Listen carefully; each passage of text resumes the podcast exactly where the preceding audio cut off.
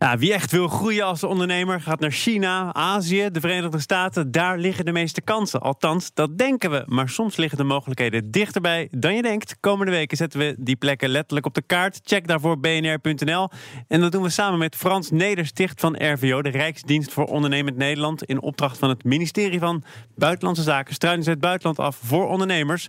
Goedemorgen, Frans. Goedemorgen. Een goudmijn voor ondernemers. En we hoeven er niet eens heel erg ver voor te zoeken. Waar ligt die goudmijn? Uh, deze goudmijn voor ondernemers uh, ligt in uh, Duitsland. En om wat preciezer te zijn, in het zuiden van Duitsland. En om nog heel precies te zijn, de twee deelstaten Bayern en met name Baden-Württemberg.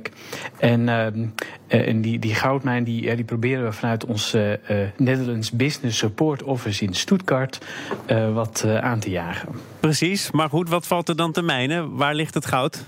Op welk vlak? Ah, ja, precies. Hè? Een goede vraag. Uh, het gaat deze week over, uh, over e-health.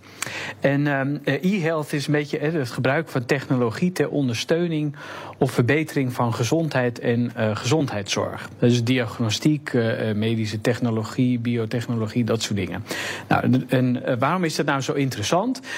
Duitsland kent aan de ene kant echt de, dezelfde zorgopgave als hier in Nederland. Hè? Dus een sterk vergrijzende bevolking. dat betekent oplopende kosten. Uh, alleen in tegenstelling tot uh, Nederland heeft Duitsland een hele conservatieve zorgmarkt. Dus het innovatieklimaat wordt laag ingeschat. Veel ziekenhuizen zijn hopeloos ouderwets en, en inefficiënt. En de, hele lage digitalisering ook. En om even een voorbeeld te geven hoe erg het is. In veel ziekenhuizen en veel artsen wordt nog gewoon heel vaak de fax gebruikt. Kijk, nou, je wordt er bijna melancholisch van. Maar eh, Duitsland heeft natuurlijk heel veel buurlanden. Hè? Dus er zullen wel meer landen zijn die daar kansen zien. Lukt het de Nederlandse bedrijven om daar als eerste toe te happen?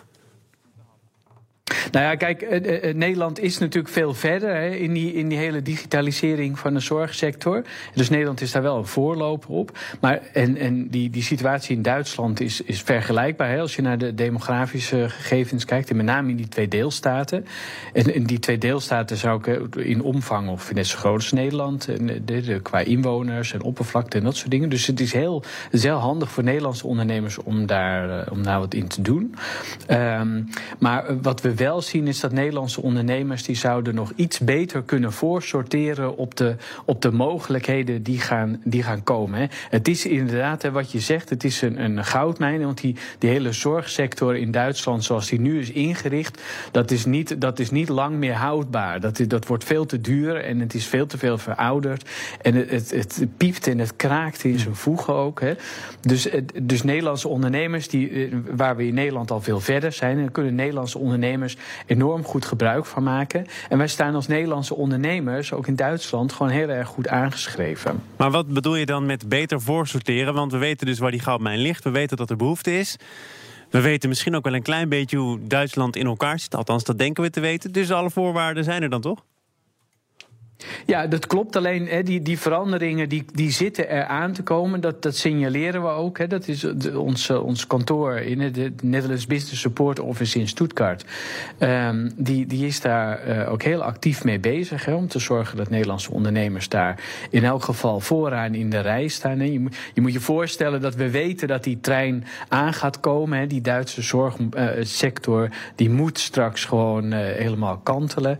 en we weten dat die, die trein die gaat binnenkomen. En, en wij zijn als, als uh, Nederlandse overheid bezig om Nederlandse ondernemers zoveel mogelijk in contact te brengen met, met Duitse, uh, met Duitse uh, de ziekenhuisinstellingen, zorgverleners en dat soort, dat soort organisaties. En zodat we eigenlijk weten waar die trein gaat stoppen, zodat je een beetje strategisch voor de deur staat opgesteld om naar binnen te stappen. Lukt dat overigens? Al zijn er al Nederlandse bedrijven die voet aan de grond krijgen in Duitsland?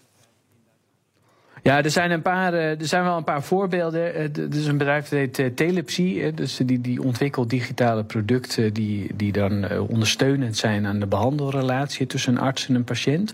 En, en, en Vanat Innovation is een Nederlands bedrijf dat doet in, in de uitwisseling van gegevens. ja, en Philips e-health is natuurlijk ook een hele, een oh ja, hele daar ken ik wel een hele belangrijke. Ja, ja die, die, die kennen we ergens van. Hè. Dus, dus die is daar ook wel, wel actief in. Maar wat we dus eigenlijk proberen is, we, we, staan uh, op dit moment zelfs uh, op de, de Medica-beurs. In, is het dan toevallig in Düsseldorf. Maar we organiseren ook werkbezoeken voor ziekenhuisdirecteuren naar Nederland. En we proberen in, in, in, met name in die regio, Baden-Württemberg, Nederlandse ondernemers ook als collectief te presenteren. Wat gaan we tot slot volgende week doen, Frans? Waar gaan we heen? Ja, volgende week. Uh, ja, ik, heb, ik moet eigenlijk even iets laten horen. Misschien dat je het herkent. Hè? Dat is een. Uh, de. Uh, Finland. Nokia. Ja, ja, inderdaad. Finland, ja, Nokia. Goed, Nokia. Ja. we gaan volgende week, volgende week gaan we naar de regio Tampere, zoals ik het goed uitspreek. en inderdaad Nokia, om te kijken wat die regio ons op dit moment te bieden heeft. Hé, hey, maar Frans, heb je dat ringtoontje ergens vandaan getoverd? Of zit jij hier echt met je Nokia in de hand ons dat geluid te laten horen? ja, ja, ja, nee, sorry. Ik moest hem echt opzoeken. Op de ik heb er zelf geen reden. Maar... Wie weet, Nokia heeft ook weer een comeback gemaakt. volgende week. Frans Nedersticht van de RVO, tot volgende week.